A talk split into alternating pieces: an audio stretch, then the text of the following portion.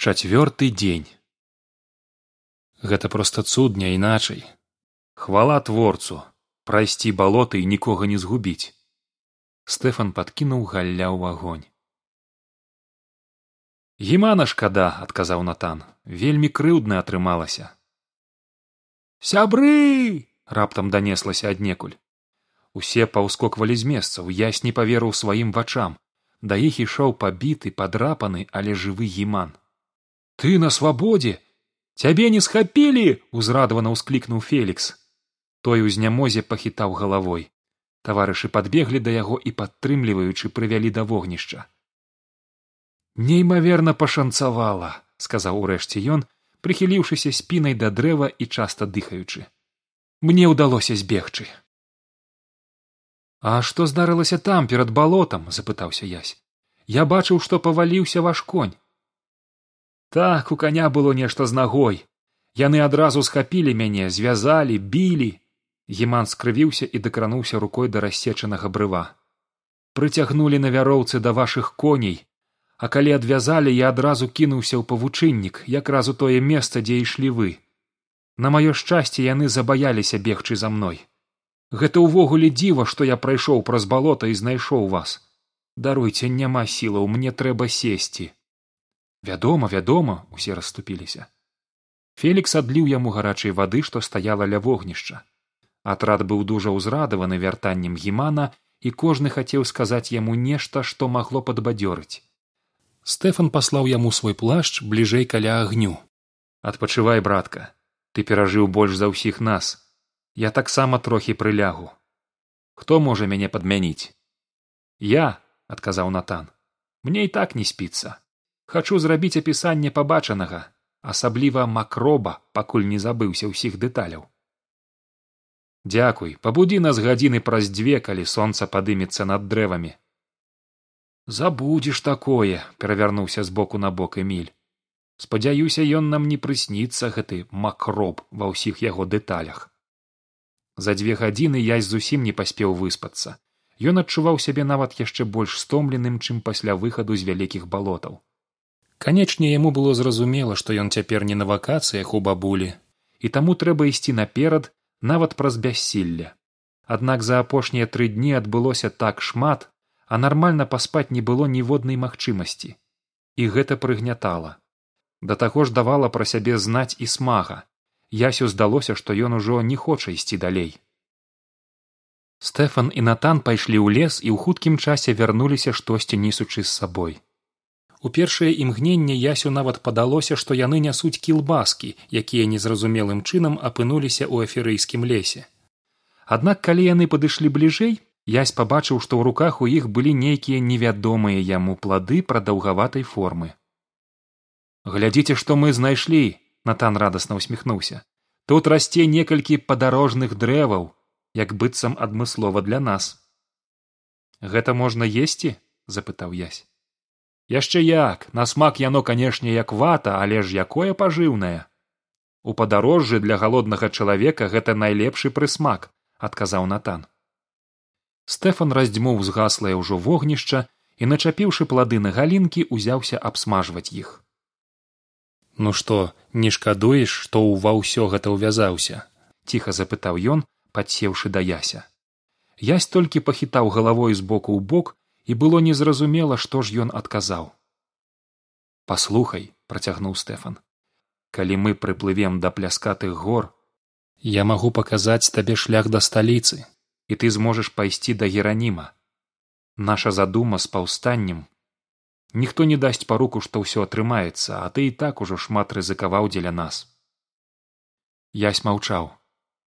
Плады падарожнага дрэва цямнелі нібыта выспявалі ў жары яны пачалі злёгку дыміцца іх скурка палопалася і стэфан сказаў што іх ужо можна даставаць.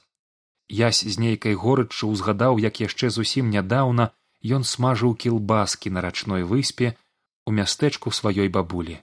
І яму чамусьці стала вельмі крыўдна за сябе самога. Нейкае незразумелае жаданне кінуць гэта ўсё адсекчы адным махам перапоўніла яго і ён падумаў што трэба запытацца пра тое як знайсці дарогу да чырвонай руды. А там ужо ён дойдзе да плыта і паплыве назад дадому. Нават калі згіне загіне ў тумане ўсё адно гэта будзе лепей чым бессэнсоўны ўдзел у паходзе. Ён набраў паветра ў лёгкія каб паведаміць што хоча вярнуцца але стрымаўся. Калі яны пад'елі стэфан прапанаваў далейшы маршрут як вы ведаеце з вялікіх балотаў выцякае доўгая рака якраз недалёка адсюль. Я думаю найлепей для нас пабудаваць плыт і спусціцца па ёй. Так мы здолеем падабрацца бліжэй да сталіцы ашчаджаючы свае сілы і трымаючыся далей ад дарог і людных шляхоў. Тым болей рака цячэ ля падножжа пляскатых гор. Ён глянуў на руд яна кіўнула. Так магчыма голас яе задрыжаў мы знойдзем там майго тату. Руд сказаў стэфан мы дапаможам табе ў пошуку і калі знойдзем ты застанешся там з бацькам. Згода? Я прагну пераменаў у эферыі не менш чым кожны з вас. Яе вочы гнеўна бліснулі. Чаму нехта вырашае за мяне што мне рабіць? Паслухай паўстанне гэта справа дарослых мужчынаў не дзяўчыны калі ласка не крыўдуй ды і не думаю што цябе бацька адпусціць. Руд змоўкла а ясь адчуў гонар што яго далучылі да ліку дарослых мужчынаў. Ці здолеем мы хутка пабудаваць вялікі плыт змяніў тэму эмиль братка пабачыш гэта будзе лягчэй чым ты думаеш і тады да вечара зможам дабрацца ажно да пляскатых гор. Плынь тут даволі моцная прапанова стэфана была аднадушна прынятая сябры падняліся і рушылі па траве ідучы ўздоўж вялікіх балотаў якія заставаліся леваруч сонца ўздымалася ўсё вышэй і яны ішлі за сваімі ценямі якія быццам стрэлкі паказвалі ім шлях. Неўзабаве язь пабачыў наперадзе дзіўны невысокі лес. Ён выглядаў так нібыта хтосьці пабяліў усе ствалы дрэваў вапнай. Калі яны ўвайшлі ў яго язь змог разгледзець гэтыя дрэвы зблізку. Вядома ніхто іх не фарбаваў проста іх пакрывала звонку нешта белае спіраллю закручанае знізу ўверх. Ці то гэта былі ліяны ці то такая спецыфічная кара язь разабраць не мог. Акрамя таго самі ствалы былі раўнюсенькія і круглыя. Унізе ад самых каранёў да грудзей яся з дрэваў тырчалі ва ўсе бакі доўгія галіны тонкія і вострыя як іголкі дзікабраза і толькі ўжо бліжэй да верхавінаў з'яўляліся доўгія доўгія вузкія лісты і што таксама было дзіўна для яся які ніколі не бачыў на дрэвах кветак такога колеру ярка зялёныя амаль смарагдавыя вялікія бутоны. Ага вось і наш плыт усцешана прамовіў эмиль паказваючы на гэтыя дрэвы. Цяпер усё зразумела. Простасць формаў прыгажосць сэнс у кожнай дэталі і практычная карысць для чалавека. Хіба ж гэта не сапраўдная паэзія? Ясь аднак пакуль не бачыў ні плыта ні сэнсу ні паэзіі. Яны прайшлі яшчэ трохі далей аж пакуль лес не скончыўся і перад імі не з'явілася рака. На здзіўленне яся яна была не шырокаю з мутнаю карычнева зялёнаю вадою. Стэфан паклаў свае рэчы на ўзбярэжны пясок і дастаў меч. Ну што за справу. Астатнія таксама падаставалі мячы і падышлі да бліжэйшых дрэваў. Пачалася праца. Спярша трэба было секчы ніжнія галіны тыя што выглядалі як шыпы потым падчапіўшы знізу белую ліяну якая абкручвала кожнае дрэва разматаць яе знізу ўверх. Што гэта за вяроўка такая запытаўся язь адматаўшы здаецца ўжо не адзін дзясятак віткоў і ўсё ходзячы вакол дрэва так што пачынала кружыцца галава. У гэтых дрэваў такая кара але праўда на вяроўку падобная адказаў стэфан. А знізу калючкі навошта? А знізу калючкі каб не дабралася ніякая жывёла. На гэтую кару шмат ахвочых не толькі мы далучыўся да размовы натан. Толькі яна ім для ежы а нам для справы. Затым яны пачалі секчы камлі язь засумняваўся ці магчыма гэта зрабіць мячом. Але калі ўбачыў спрытную працу астатніх і сам паспрабаваў пазычыўшы меч у стэфана то здзівіўся наколькі мяккай і падатлівай была драўніна. Ствалы што пападалі яны ачышчалі ад верхніх галінаў. Файныя дрэвы натан працягваў знаёміць яся з раслінамі эферыі. Найлепшыя якія толькі можа даць нам гэты лес для плытоў у дзверы кабінета каліда асцярожна пагрукалі. Заходзь дазволіў ён. Васпане у дзвярах паказаўся кіраўнік службы сакрэтнага ліставання. Ён быў схуднелы з запаламі вачыма пастарэлы за гэтую ноч гадоў на дзесяць.